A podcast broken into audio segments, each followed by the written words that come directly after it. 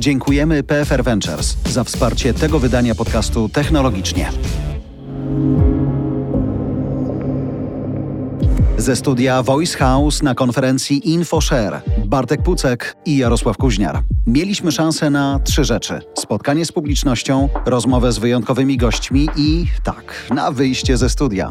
Bardzo dobre doświadczenie dla nas jako autorów, ale i super recenzje od słuchaczy, a w tym przypadku także widzów. Dziękujemy i obiecujemy więcej. W tym odcinku specjalnego wydania podcastu technologicznie na konferencji InfoShare w Gdańsku Tomasz Karwatka, co-founder Catch the Tornado i inwestor oraz Michał Rokosz, Innovo Venture Partners. Sporo tematów. Dlaczego inwestują w spółki technologiczne na wczesnym etapie? Patrzymy na branżę z trzech perspektyw: Limited Partners, Inwestor i Founder. Po co być Limited Partners w funduszu, szczególnie w Polsce? Czym się różni fundusz lewy od prawego? Co dziś jest rzeczą, którą dobrze widzieć u founderów? Co dziś jest największym problemem wśród startupów na wczesnym etapie rozwoju? Zapraszam do audycji, do oceny i do dyskusji.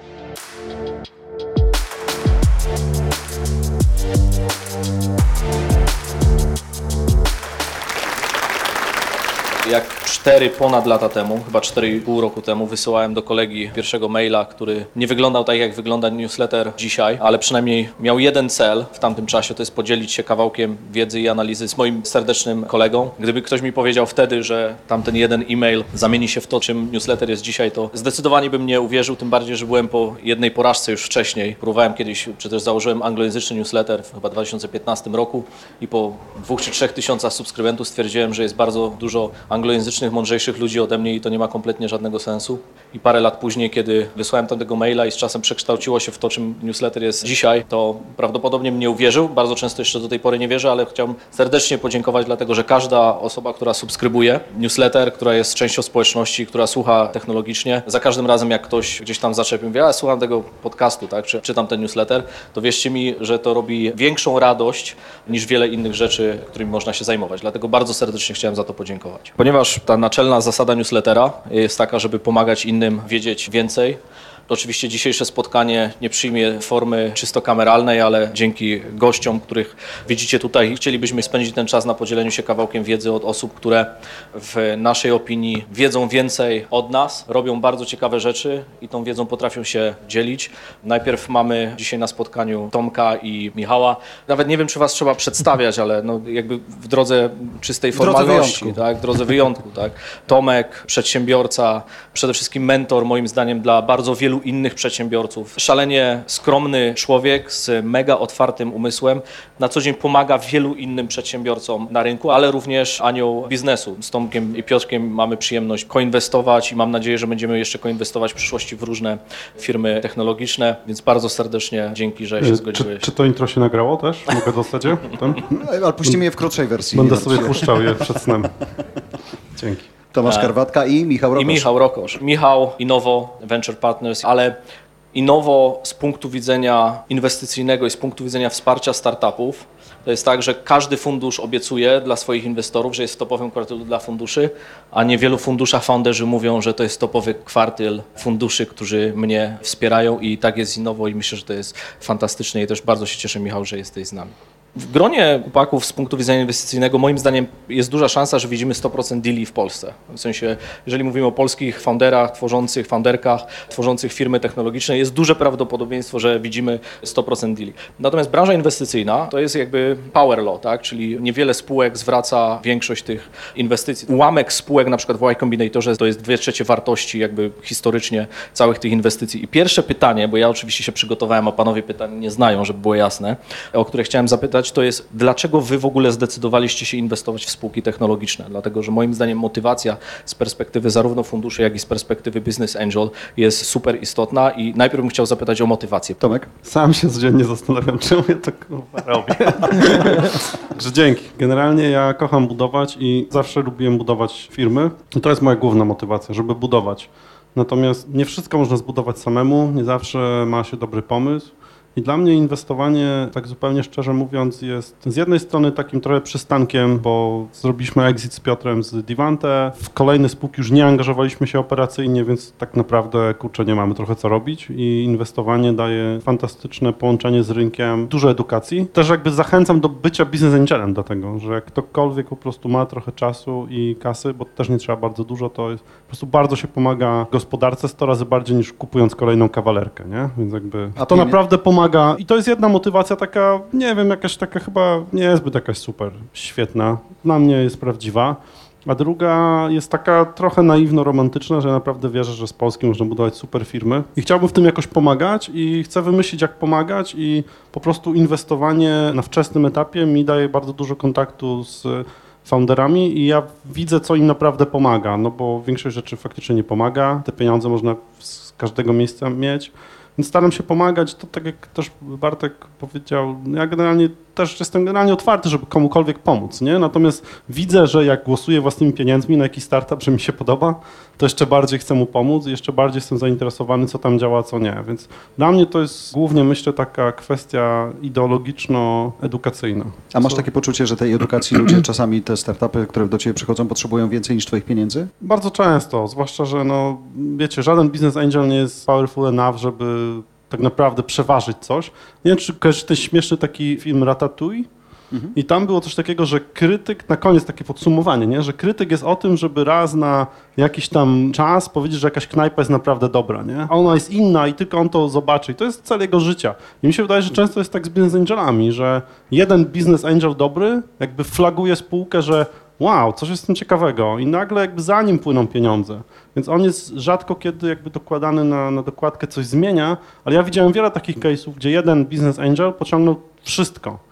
Nie? I jakby na to staram się mieć otwarte oczy. I taka jest trochę jakby, wiesz, misja takich pojedynczych ludzi, którzy są trochę też crazy, jak ci founderzy, nie? I mówią, kurde, skóra, w Excelu to się nie spina, ale coś ty musi być, nie?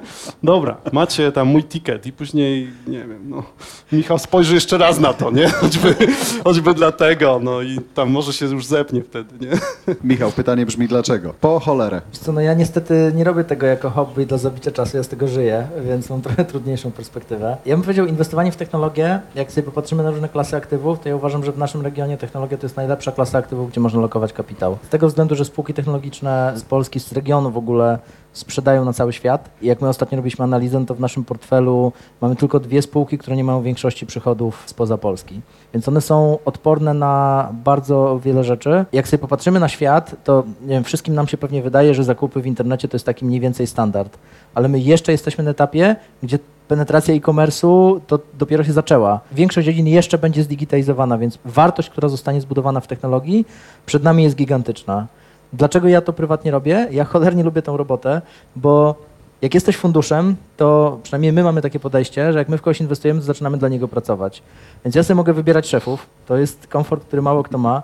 Ja mam fenomenalnych szefów. Jak ja sobie pomyślę po prostu o Stefanie Batorym, o Piotrze Orzechowskim, o Tytusie, o Mai, o Adamie Janczewskim, to to są ludzie, dla których w innej rzeczywistości ja bym poszedł pracować do każdej z tych firm. Ja nie wymieniam wszystkich, bo mamy dużo tych spółek, które zainwestowaliśmy, ale to są niesamowici ludzie, to są ludzie, którzy zaginają rzeczywistość, to są ludzie, którzy mimo, że Excel się nie spina, potrafią po prostu pewne rzeczy dowieść. Możliwość tego, że czasem gdzieś tam dołoży się im cegiełkę do tego, żeby jeszcze szybciej urośli albo ułatwi się im kolejną rundę, to daje ogromną satysfakcję. I jak my widzimy, co te spółki osiągają, nie wiem, SpaceLift z naszego portfela, który jest taką infrastrukturą chmurową, no to na nim dzisiaj się opierają największe globalne spółki i jakby z Booksy korzystają miliony ludzi na całym świecie i tak mógłbym po prostu wymieniać, to to pokazuje, że my, tak jak w starej ekonomii nie za bardzo udało nam się zbudować takie prawdziwe globalne sukcesy z Polski, tak w technologii naprawdę mamy do tego potencjał. Dzięki temu, że mamy tutaj masę świetnego talentu, że mamy bardzo przedsiębiorczych ludzi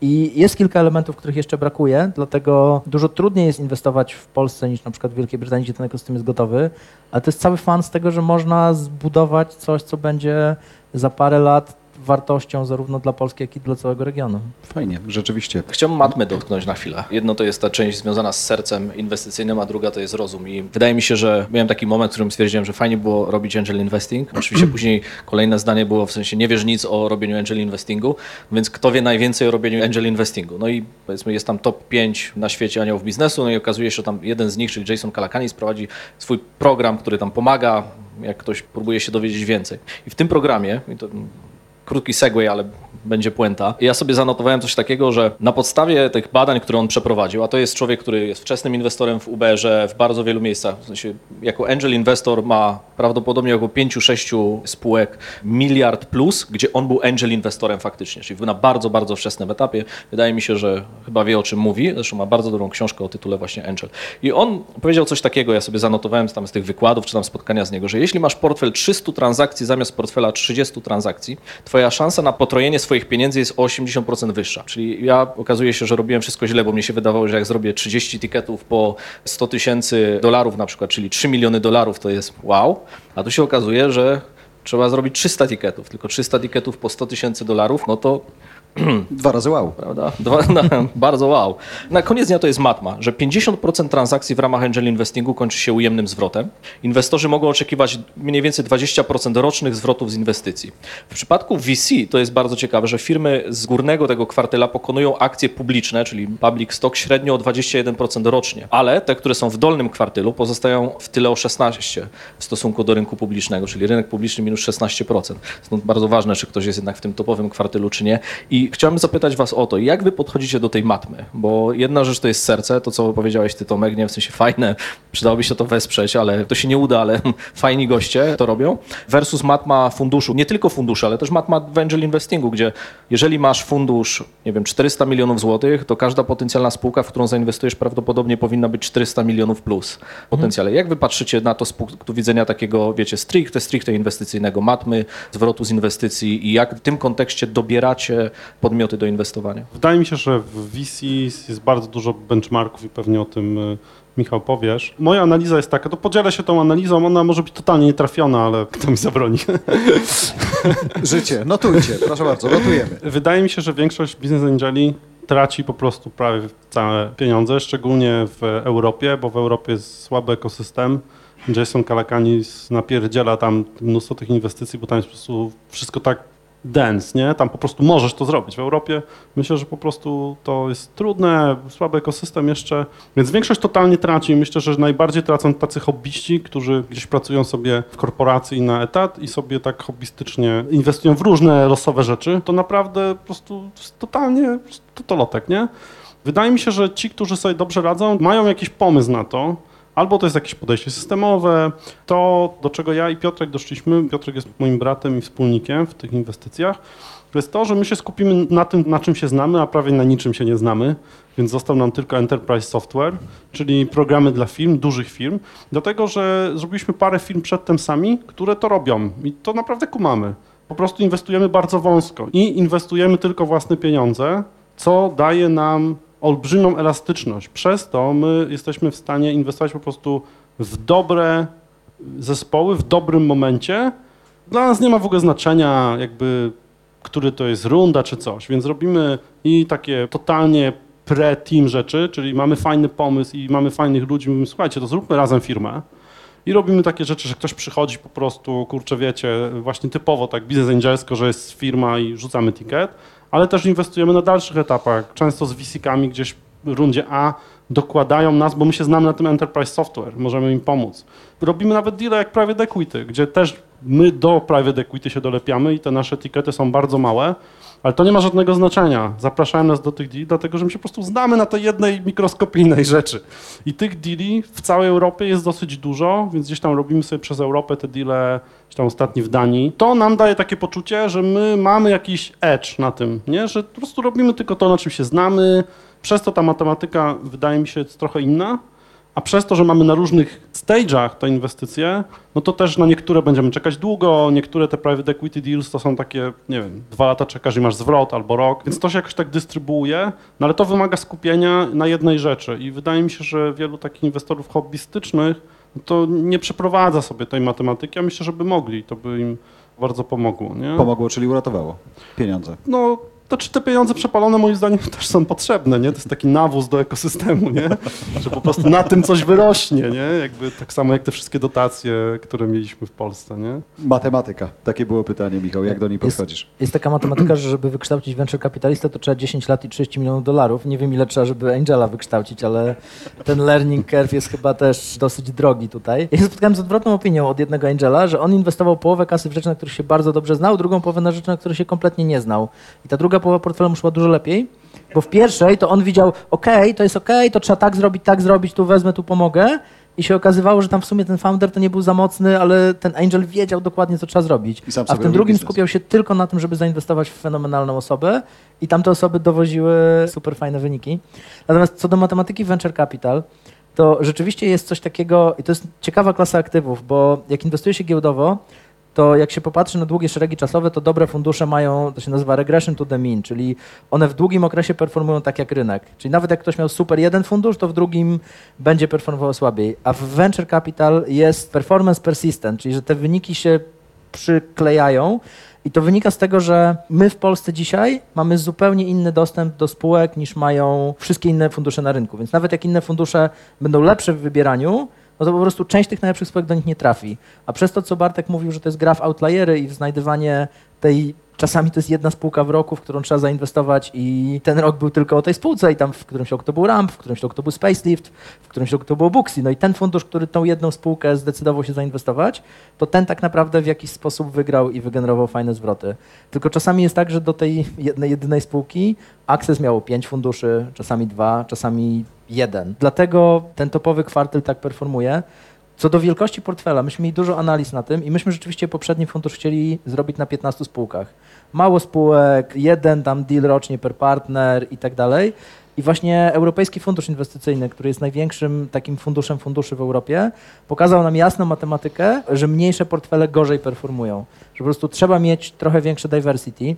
My oczywiście inwestujemy na późniejszym etapie, stąd to nie jest już 300 spółek, które są potrzebne, tylko kilkadziesiąt, ale jest jakaś tam grupa, która tak czysto matematycznie uprawdopodobnia to, że trafi się tego jednego albo, albo dwa outliery. I outlier w VC to no, ostatnio jest bardzo głośno o case'ie Figmy, którą kupiła Adobe. To jest spółka, na której indeks zarobił 300 razy pieniądze. Outlier to jest na przykład Coinbase, w którym Andreessen Horowitz zwrócił wszystkie swoje fundusze razem wzięte, tą jedną inwestycją. I to jest to, czego szukają VC.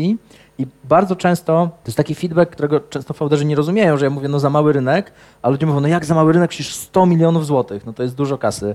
A jest właśnie ta matematyka, Bartek o tym wspomniał, jak ja mam fundusz na 400 milionów, to u mnie każda inwestycja musi mieć szansę, że zwróci mi 400 milionów. Czyli skoro ja na exicie będę miał 10%, to łatwo policzyć, że ta spółka musi mieć potencjał wartości na 4 miliardy złotych, czyli tam około miliarda dolarów. No i na rynku, który jest warty 100 milionów, po prostu nie da się takiej wyceny zrobić. Chciałbym porozmawiać o tych dwóch stronach jeszcze inwestycyjnych, czyli LPs, czyli inwestorzy w fundusze i w kontekście trendów tam, no i po drugiej stronie founderów, ale najpierw chciałbym się skupić na LPsach, bo Tomek, ty jesteś też LPsem w fundusze, Michał, ty masz LPsów na pokładzie chciałem was zapytać o następującą rzecz. Dlaczego warto być LPsem w funduszach w Polsce, podczas gdy wielu LPsów może być też funduszami w funduszach poza krajem, w szczególności w Stanach? Oraz jak widzicie ten moment, w którym wydaje się, że w przyszłym roku będzie taka zmiana w Stanach Zjednoczonych dotycząca definicji accredited investors, gdzie praktycznie każdy niezależnie od, być może po wykonaniu krótkiego testu z wiedzy podobnego, który dzisiaj się na kontach maklerskich wykonuje, będzie można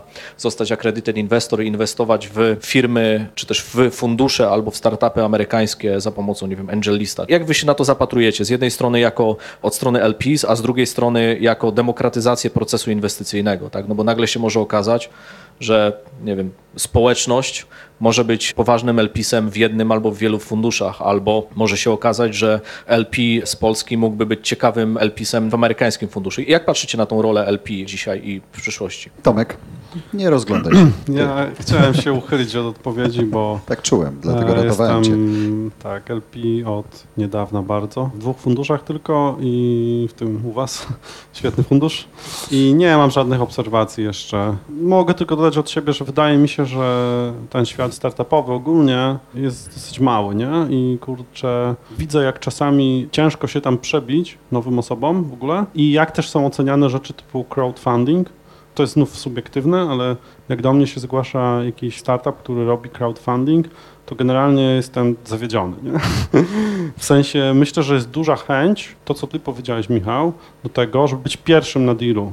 I najlepsze fundusze dowiadują się pierwsze o najlepszych startupach.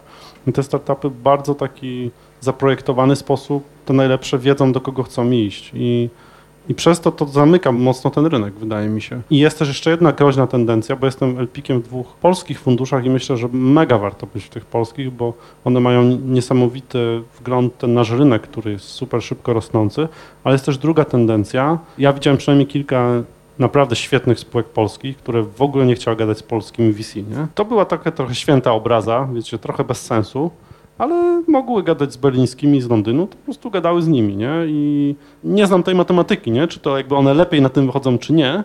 Natomiast te z Berlina z kolei narzekają, że ich objeżdżają ci ze Stanów, nie?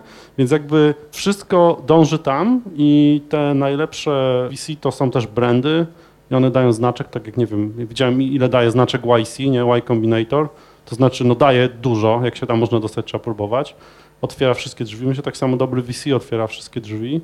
Więc właśnie to jest ciekawe, co mówisz. Czy to jakby możliwość inwestycji w Stanach nie sprawia, że po prostu warto inwestować w Stanach, bo wszystko co najlepsze i tak tam trafi, nie? Jest jeszcze jeden. Tylko, że może późno ewentualnie. Wiesz, jest moim zdaniem jeszcze jeden taki aspekt niszowy, ale moim zdaniem to jest ogromny potencjał, no bo w spółce, której jeszcze nazwy nie możemy powiedzieć, w którą zdecydowaliśmy się wspólnie zainwestować, no to jest spółka, gdzie były zagraniczne fundusze grane, no ale founderzy jakby gro czasu spędzają poza Polską i wydaje mi się, że Polacy i Polki, którzy są poza Polską. Ja się spotykam z wieloma takimi founderami i founderkami i ich świadomość o polskim ekosystemie inwestycyjnym jest zerowa. I być może to jest jeden z takich aspektów, który jest jeszcze do dobudowania, że jest wiele osób, które jest na emigracji, studiują, nie wiem, na Sorbonie, czy gdziekolwiek indziej, czy na jakichś politechnikach tego świata.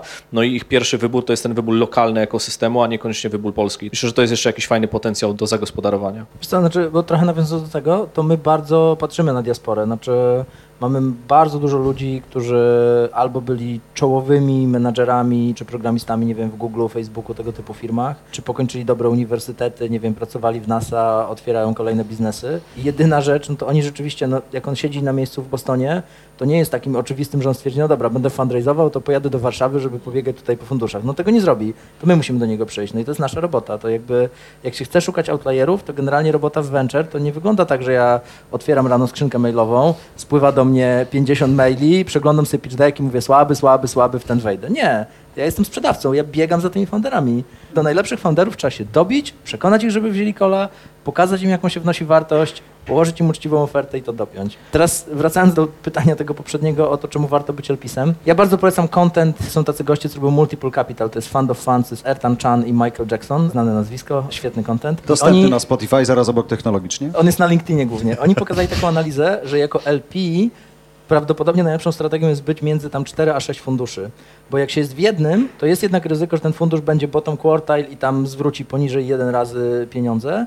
Natomiast jest oczywiście szansa, że zwróci razy 7, razy 8, tak jak zdarza się zwracać funduszom. Jak jest się tam, w, już nie pamiętam czy w 3 czy 4 minimum, to w zasadzie ma się pewne, że się zarobi między 2 a 4 razy pieniądze. Czyli to jest fajny zwrot, fajny IRR, stosunkowo pewne. No i warto też myśleć o dywersyfikacji, żeby to nie było kilka identycznych funduszy. Nasz region dzisiaj no, z nami rozmawia bardzo dużo topowych of funds. I to jest o tyle ciekawe z naszej strony, no, że my mamy performance top quartile, ale jest też grupa funduszy top 5%. No więc jak jesteś największym of funds, to niby powinieneś gadać z tymi top 5%, ale oni widzą, że ten rynek CEE to jest rynek, który ma jakby znamiona tego, że będzie wybitny performance w przyszłości bo jest bardzo dużo talentu, zaczął się tworzyć ekosystem, jeszcze nie ma takiej dużej konkurencji, jeszcze jest przewaga tego, że masz lokalny akces, więc powiedziałbym dzisiaj inwestycja w nasz region jest mega. Polska jest już bardziej zaawansowana, ale jak spojrzymy sobie na Rumunię, na Bułgarię, na Węgry, na Chorwację, na Mołdawię, ostatnio mamy deal z Mołdawii, to są super ciekawe rynki, gdzie praktycznie nikt na to nie patrzy, a też z Rumunii powstał już UiPath. Menadżerowie z UiPath dzisiaj odpalają swoje startupy. To są goście, którzy widzieli, jak się buduje spółkę wartą 30 miliardów. Muszę cię zapytać o to, bo powiedziałeś, że jeszcze jest ta lokalność istotna. czyli jeszcze jest ta przewaga z tytułu lokalności. A co się stanie, jak nie będzie? Nie? No bo coraz częściej z racji tego, że jest duża konkurencja o deale, no i coraz częściej masz na rynku, czy w Polsce, czy na samym CEE fundusze z Europy Zachodniej, czy ze Stanów sięgające czy sami, czy przez scoutów, czy generalnie rzecz biorąc przez dobry PR founderzy sami aplikują, to co twoim zdaniem się stanie, jak się skończy ta przewaga lokalności? No bo jaka jest sytuacja? Albo będziesz bardziej europejski, albo będziesz bardziej wertykalny, czyli będziesz musiał znaleźć sobie niszę. Mhm. To są chyba dwie alternatywy, jest coś więcej? Myśmy zrobili bet na bycie lokalnym i wydaje mi się, że to tak szybko się nie wypłaszczy, ale ty musisz mieć value proposition porównywalne z innymi globalnymi funduszami. To znaczy, ja dzisiaj zakładam, że moim konkurentem jest, nie wiem, każdy dowolny fundusz z Londynu, z Berlina, tego typu fundusze i pewnie jak przyjdzie Andreessen Horowitz, to mimo, że mamy jedną koinwestycję z nimi i founder powie, że Innowo wnosi mu więcej wartości niż Andreessen, mam to na taśmie nawet, ale e, jakby polecam Innowo, YouTube, Stas Matwienko, ale zupełnie szczerze, to pewnie ta siła brandu zwycięży. Natomiast jeżeli to będzie fundusz, który jest średni, czyli powiedzmy wyłączając tam, nie wiem, 20 największych brandów, to będzie istotne, co jest tym value proposition. Znaczy my dzisiaj potrafimy wygrywać deale spoza naszego regionu z dobrymi funduszami zachodnimi. Znaczy wartość, którą oferujemy, tym jak szybko umiemy umiemy przeanalizować spółkę, jakim jesteśmy partnerem do dyskusji, co jesteśmy w stanie przynieść spółce. My mamy case'y, gdzie mamy amerykańskich koinwestorów, a to my przynieśliśmy więcej klientów, do których zrobiliśmy intra. No i to trochę wynika z tego, że dla nas jest to jedna z najważniejszych inwestycji, a dla nich jest to pewnie tam jedna z 30 porównywalnie ważnych, no ale jest ileś aspektów, gdzie trzeba znaleźć sobie odpowiedź na to, dlaczego jak kiedyś przyjdzie przyzwoity fundusz ze Stanów, to ten funder powinien jednak wybrać mnie, jeżeli będziemy w tym samym czasie. No bo dzisiaj fundusze z Doliny Krzemowej się już nauczyły, że można inwestować dalej niż 15 minut zasięgu rowerem od ich biura, dzięki Zoomowi. No i to Polska też się w to wpisuje. To Michał, dopytałbym o jedną rzecz, bo powiedziałeś już dlaczego, powiedziałeś czym, ale dlaczego akurat właśnie tym wygrywacie? Co takiego u was jest unikalnego, że udaje wam się, nie wiem, szybciej zanalizować spółkę versus tamte fundusze? Wiesz co, no to jest trochę kwestia, jak widzimy, że spółka ma super potencjał priorytetyzacji i położenia na to wszystkich zasobów, to jest kwestia networku, żeby szybko dotrzeć do ludzi, którzy są w stanie dobrze ocenić, czy dana technologia naprawdę coś zmienia, czy jest dobrze napisana, dojścia do potencjalnych klientów, którzy to odpowiednio odbiją, więc no jest to ekosystem... Czy macie lepszy fokus, tak, w momencie analizy? Trochę tak, no, ale to na przykład to jest kwestia bazy LPIS-ów. No, to, że raczej nie mówimy za dużo o naszych LPIS-ach, ale skoro mhm. jeden się już ujawnił, to posiadanie takiego LPIS-a to dla nas też w dealach typu Enterprise Software w e-commerce, to Tomek jest jednym z najlepszych specjalistów w Europie, od którego można odbić, czy coś po prostu ma sens. Mhm. No i ktoś inny będzie musiał szukać takiego eksperta trzy dni. Ja do Tomka zadzwonię tego samego dnia i mam tą odpowiedź tego samego dnia. I dynamika deali, ostatnio była taka transakcja właśnie ex UiPath człowiek, który 22 września wyszedł na rynek, pokazał, że będzie zbierał pierwszej osobie i 2 października już był term sheet i były dyskusje o kształcie. Czyli jak to aukcje. Dobre deale się dzieją w takim tempie, znaczy myśmy najszybszy deal, jaki mieliśmy, się zamknął w 7 dni od kiedy my go poznaliśmy. No i zdarzają nam się sytuacje, że my poznajemy foundera i on mówi, wiesz, ale ja już wczoraj dostałem pierwszy term sheet. I wtedy po prostu musisz bardzo szybko działać. Już nie kończy się to spotkanie. Podjąć jakby swoją decyzję. Bardzo dobry przykład, argument, który jakby potwierdza tą tezę. Ona nie jest tylko i wyłącznie na poziomie venture, tak? No bo ten wspólny deal, który zrobiliśmy w ramach tego syndykatu, który tam pewnie będę w ciągu najbliższego miesiąca ogłaszał, ale zrobiliśmy inwestycje, no de facto cztery osoby, z czego trzy są tutaj na tej sali. Zrobiliśmy inwestycje w bardzo fajny, technologiczny startup z polskimi founderami, ex-Google, ex-Palantir. Bardzo ciekawa technologia i trzymam mocno kciuki. No ale ten deal był zrobiony z zagranicznymi funduszami i ta runda była kilka razy oversubscribed, czyli chętnych było dużo więcej na zrobienie tej rundy. I to, dlaczego nam się udało wejść na ten ticket, to jakby nie za wygląd, tylko za to, że w składzie tego syndykatu były osoby, które były w stanie, czy są w stanie aktywnie pomagać. Są ludzie, którzy znają się wybitnie na przykład na procesach sprzedażowych, znają się wybitnie na software'ze, znają się wybitnie na produkcie i to na przykład takim founderom daje wartość. I to na koniec dnia to jest syndykatów czy funduszy jest mnóstwo, natomiast faktycznie uzyskać tą realną pomoc jest bardzo trudno i wydaje mi się, że na dzień dzisiejszy to jest chyba największa przewaga konkurencyjna, no bo jeden dolar od jednego funduszu może być ciężko odróżnialny od dolara w innym funduszu, ale fundusz, który potrafi pomóc, czy syndykat, który potrafi pomóc versus ci, którzy tego nie robią, to to jest bardzo duża różnica już na wczesnym etapie rozwoju. Bardzo, bardzo duża. Ja uważam, jest jeszcze jeden plus, że wy jako Angele nie wpływacie na to, kto się znajdzie w dealu, kto nie. No bo zrobienie miejsca na dodatkowe 100 tysięcy dolarów dla Angeli, którzy są w stanie wnieść jakąś konkretną wartość, nigdy nie będzie problemem.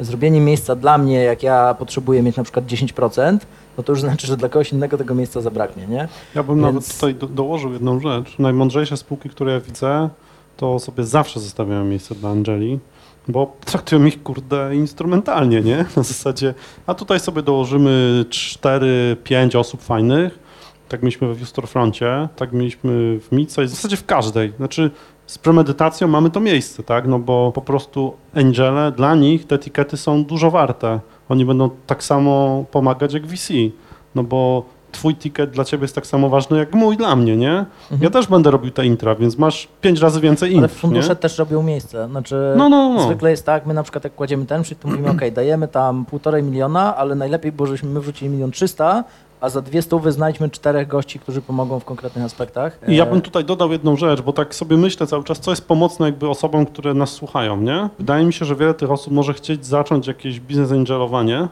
Moje takie myślenie było pierwsze, że właśnie szukać wśród znajomych deali, gdzie VC wchodzi i próbować się tam wcisnąć. Bo jak się nie znasz na inwestycjach, ale wiesz, że to jest dobry zespół, no to tak naprawdę VC też robi za Angela bardzo dużo ciężkiej roboty, nie? Tego due, tego sprawdzania, tych papierów i tak dalej. Trochę jakby ty niesiesz swoją wartość, ale też trochę pracy ci ucieka, nie? I ten VC też pamięta o tym i będzie cisnął, żeby był exit. No bo nie fart jest być jedno czy półprocentowym w spółce, która nigdy exitu nie chce zrobić. Chciałbym, żebyśmy na chwilę właśnie skupili się na tej części od strony founderów. Jak z waszej perspektywy, patrząc na dzisiaj founderów, founderki firmy, które przychodzą, które widzicie, co jest rzeczą, której najczęściej nie widzicie, a chcielibyście widzieć w trakcie tego procesu decyzyjnego? Czyli nie to, co się najczęściej wydarza, ale co się najczęściej nie wydarza, a bardzo chcielibyście, żeby się pojawiało w trakcie procesu inwestycyjnego? Czy to są określone firmy, tezy, określone kompetencje, określony etap, określone skille, określone struktury? Czego Wam najbardziej brakuje, a co chcielibyście widzieć w trakcie tego procesu inwestycyjnego na wczesnym etapie? Ja odpowiem jeszcze tak używając dodatkowego doświadczenia, no bo no tak jak mówiłeś, prowadzimy takie community dla spółek stricte sasowych i tam po prostu mam pogłębione takie rozmowy pomiędzy tymi founderami, co im brakuje, jakby gdzie tu jest ten problem. Wydaje mi się, że znowu to będzie takie trochę metafizyczne, ale najczęściej naprawdę problem jest w takim uwierzeniu, że to się da, że w sensie da się zrobić dużą bardzo firmę. Ale I- founder ma tą wątpliwość? tak, tak, tak. To znaczy, to nie jest taka, wiesz, nazwana wątpliwość, tylko jak sobie rozmawiamy, właśnie czy w tym community, czy z nowymi jakimiś ludźmi gdzieś tam, to my często mamy tak, że ja i Piotrek się mega jaramy czymś, nie? Ktoś przychodzi i mówi, słuchajcie, mówi, nie, robię, ro, spokój, robię to, a mówimy, wow, nie, przecież to będzie industry standard, to będzie USB dla czegoś tam i w ogóle wow, nie? A ten founder mówi, nie, no serio? Przecież tak, nie? I tutaj jest oczywiście fatum tego, co ty mówiłeś, Michał, że jak się na czymś znasz, to zrobiłeś to cztery razy i widzisz już tą drogę. Okej, tylko trzeba zrobić to, to, to i to. Ale wydaje mi się, że niewidzenie tej drogi jest bardzo często przeszkodą.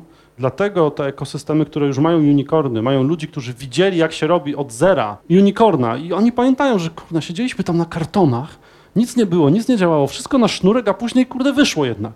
To to jest bardzo silna taka wiara, że się da. I to, że robimy na sznurek, to nie jest problem, już tak robiliśmy i wyszło.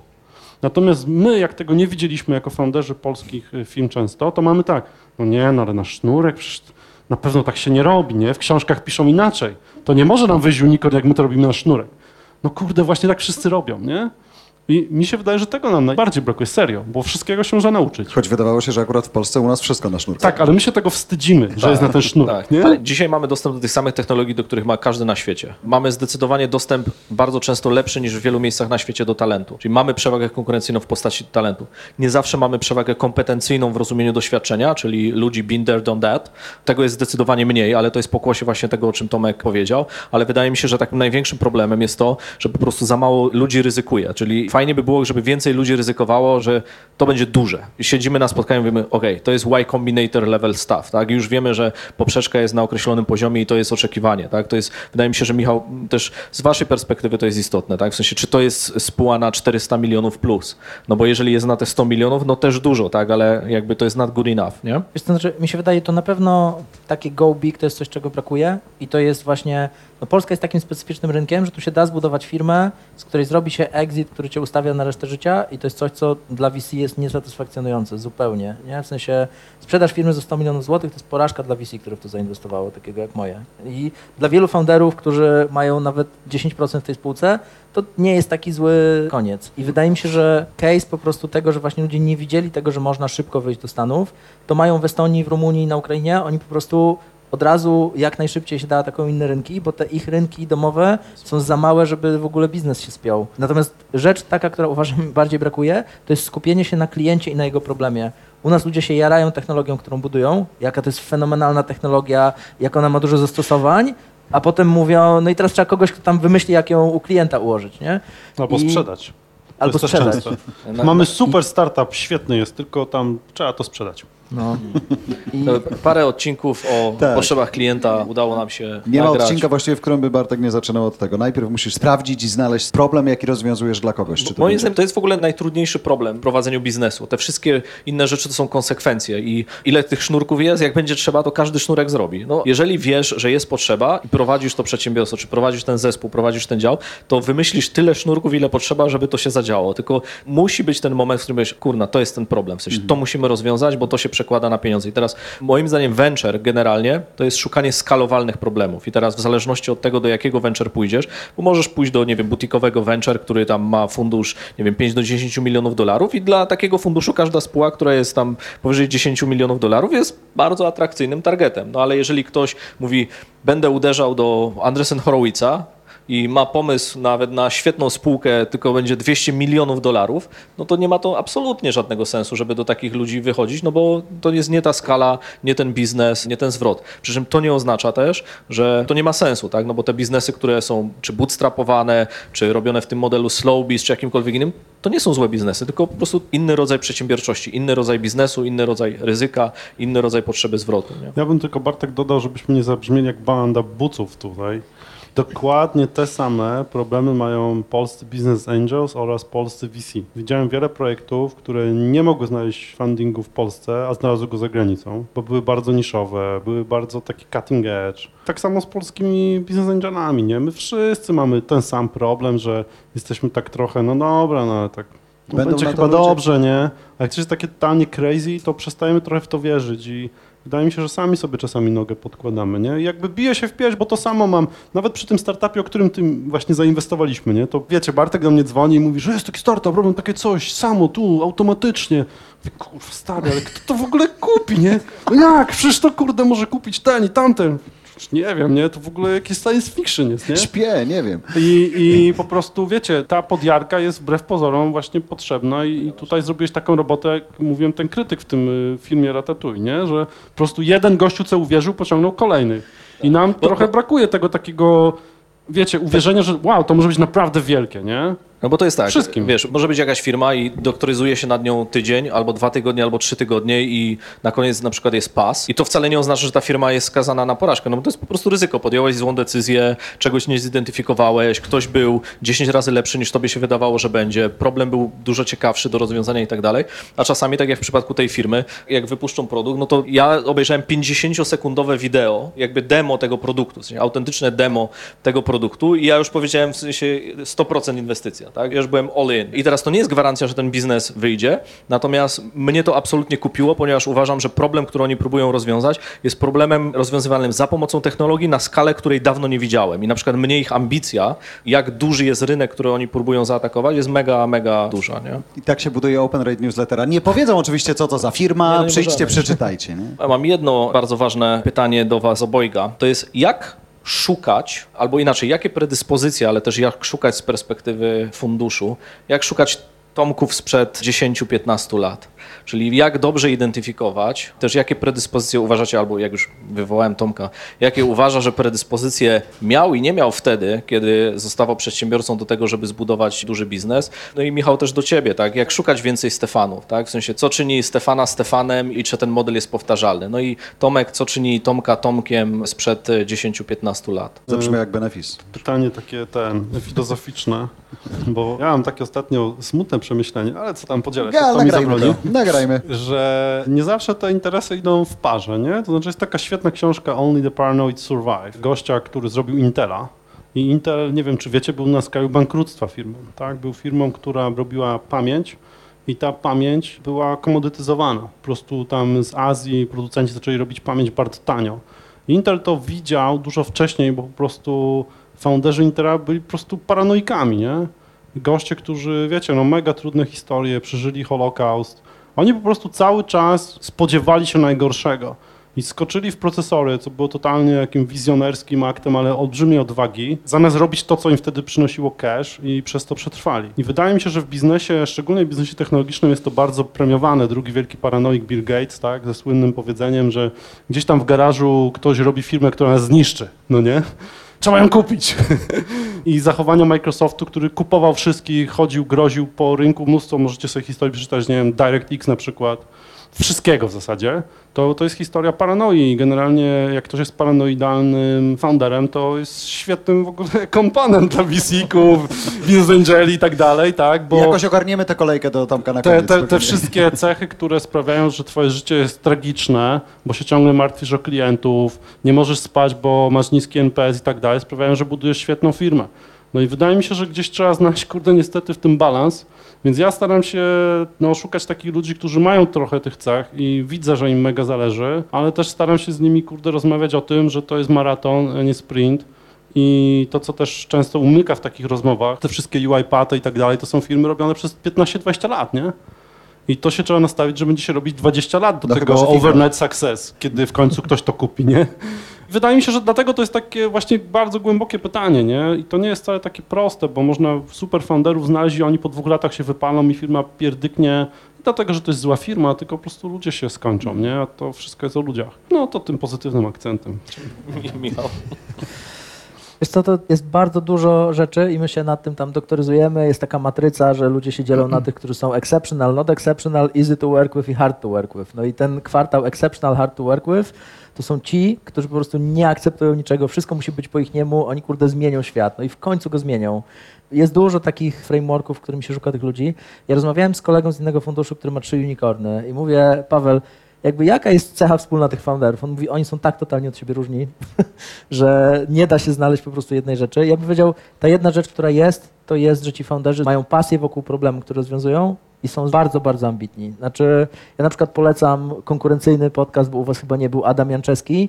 Adam Janczewski to jest chłopak, który prawie stracił wzrok i w związku z tym postanowił tak zmienić służbę zdrowia, żeby case'y jak on były wyłapane wcześniej. Nie interesuje go to, żeby tam zarobić 50 czy 100 milionów, bo to jest chłopak, który jedzie na wyjazd w jednych jeansach, jak trzeba to zmienia, ale on po prostu chce poprawić świat, żeby takie case'y jak on się tak nie kończyły. I to jest niesamowite i ten jego drive to po prostu widać i wtedy ta osoba nie ma problemu z tym, że on zarwał weekend, wszystkie noce i tak dalej, żeby dowieść kolejne rzeczy, bo on ma misję zmienić świat. Większość tych founderów, którzy dowożą, którzy są w stanie te 10 lat przetrwać, Christoph Jan z Point9 kiedyś podsumował, że mają tam kilkanaście firm, które dojechały do 100 milionów dolarów. Każda miała moment, że się wypłaszczyła nagle przestali rosnąć. Rosło, rosło, w pewnym momencie jest flat. No i trzeba utrzymać motywację ludzi, swoją, inwestorów, jeszcze potencjalnie przekonać kogoś w czasie, kiedy jest trudno, kiedy nie idzie, kiedy się wydaje, że już się skończyło. I po prostu musi być ta ambicja i determinacja. No i to jest chyba taki wspólny mianownik, który ja widzę u tych ludzi, którzy dojeżdżają bardzo daleko. Fajne, bo zbliżamy się do tej serii, o której powiedziałeś. Chcemy zrobić właśnie taką serię specjalną związaną z wypaleniem. W ogóle z całą tą sferą miękką, powiedzmy, jeżeli chodzi i o inwestowanie, i prowadzenie biznesów, bo widzieliśmy sporo odzew po prostym, wydawać by się mogło odcinku, który właśnie tego mocno dotyczył. A tutaj fajnie to zaznaczacie, więc będzie dobry kontekst. Panowie, Bardzo, bardzo, bardzo, bardzo serdecznie Wam dziękuję.